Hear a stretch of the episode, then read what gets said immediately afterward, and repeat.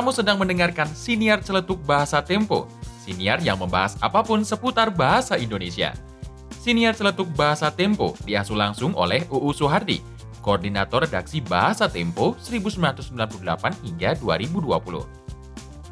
Dalam episode kali ini, kamu akan mendengarkan celetuk yang dipetik dari tulisan Eko Endarmoko. Judulnya Genit, yang telah terbit di majalah Tempo edisi 4 Mei 2009.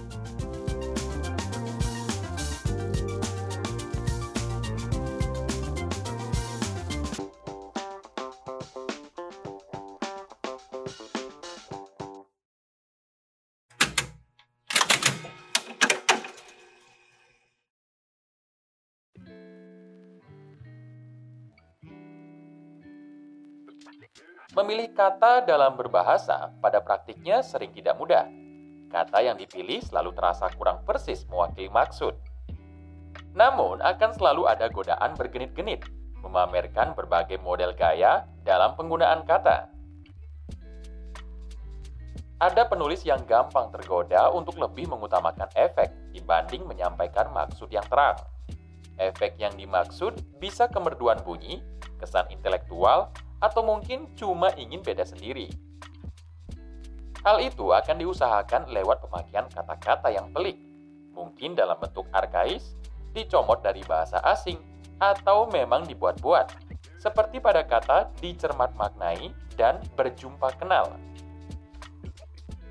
Lebih mementingkan efek ketimbang menyampaikan pengertian yang terang, bisa jadi untuk memikat pembaca. Tapi jika tidak dikerjakan dengan hati-hati, ini dapat mengakibatkan pesan menjadi kabur. Sebaliknya, apabila seorang penulis mampu menggarapnya dengan tepat dan tekun, ini boleh jadi justru dapat melahirkan idiosinkrasi atau gaya dia seorang.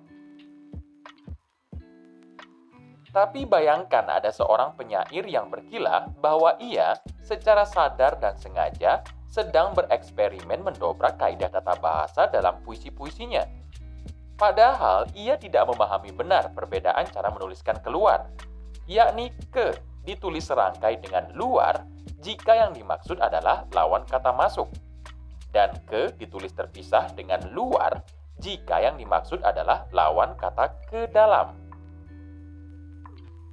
Entah apa gerangan yang mendorong para penulis bergenit-genit, tapi tidak memahami kaidah bahasa yang mendasar seperti itu, atau mungkin memang abai Itukah yang disebut lisensia poetika? Konsep penting demi kreativitas dalam dunia tulis-menulis yang diperkenalkan filsuf Romawi Lucius Anneus Seneca ini, di negeri kita tampaknya malah menjadi tempat banyak penulis bersembunyi dan mencari suaka. Mungkin inilah salah satu pokok soal yang paling membuat pening kalangan penyunting. Konsep tersebut seolah-olah telah menjelma menjadi hukum yang tampaknya cenderung memihak dan memanjakan penulis. Lisensia poetika adalah semacam lisensi atau izin tak tertulis yang dikantongi penyair untuk menyimpangi kaidah bahasa demi mencapai efek tertentu yang dia inginkan. Kemudian, entah bagaimana, keleluasaan ini seolah-olah dianggap menjadi milik sastrawan pada umumnya, bukan hanya yang menulis puisi.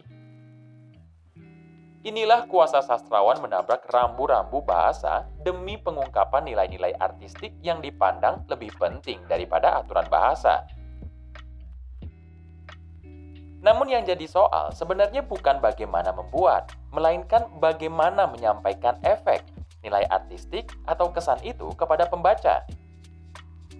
Karena itu, laku melanggar bukanlah sebuah tujuan, melainkan sarana belaka Jalan berpikir ini mengantarkan kepada kita kesimpulan bahwa kebebasan dalam lisensia poetika bukan terutama dimaksudkan untuk mencari-cari efek alias bergenit-genit, melainkan lebih menyerupai alat bantu bagi penulis guna menerabas kebuntuan dalam keadaan darurat. Lisensi ini sebetulnya bekerja dengan sejumlah asumsi. Pertama, mereka yang melaksanakannya sungguh-sungguh terdorong oleh keperluan menyatakan satu hal, tapi ia merasa terhambat oleh daya ungkap bahasa. Ini mengisyaratkan bahwa penyimpangan kebahasaan olehnya tadi adalah suatu tindakan darurat, setelah ia habis-habisan menjelajahi pelbagai kemungkinan yang tersedia dalam bahasa Indonesia. Dan ini mengantarkan asumsi yang kedua, bahwa mereka yang mempraktikkan tahu atau sadar akan apa yang dilanggar. Artinya, sebenarnya si pelanggar mafhum akan kaidah bahasa yang berlaku. Pertanyaannya kemudian, bisakah seseorang melanggar aturan bahasa demi lisensia poetika, padahal ia tidak tahu perbedaan cara menuliskan keluar apakah dalam satu kata atau dua kata? Tidak tahu perbedaan kata depan dan awalan? Tidak tahu kaidah bahasa Indonesia yang sangat mendasar, sehingga ia bersembunyi di balik mantra lisensia poetika. Melanggar aturan bahasa demi lisensia poetika adalah satu hal, sedangkan buta kaidah bahasa Indonesia adalah hal lain. Dua soal itu saya kira tidak dapat diperbaurkan. Bagi saya, kepatuhan pada kaidah dalam berbahasa menunjukkan bukan sebuah sikap taat atau tunduk, melainkan wujud rasa hormat dan rasa bangga terhadap norma, yaitu norma-norma bahasa Indonesia yang memang sudah sepatutnya kita junjung bersama. Sebelum sajian kali ini ditutup, UU Suhardi menitipkan celetuknya. Bahasa selalu berpola. Dari pola itulah kaidah atau aturan dibuat. Kaidah memudahkan kita memahami dan mempelajari bahasa. Membebaskan orang berbahasa semaunya seperti membiarkan pengendara mengambil jalan seenaknya. Kacau jadinya.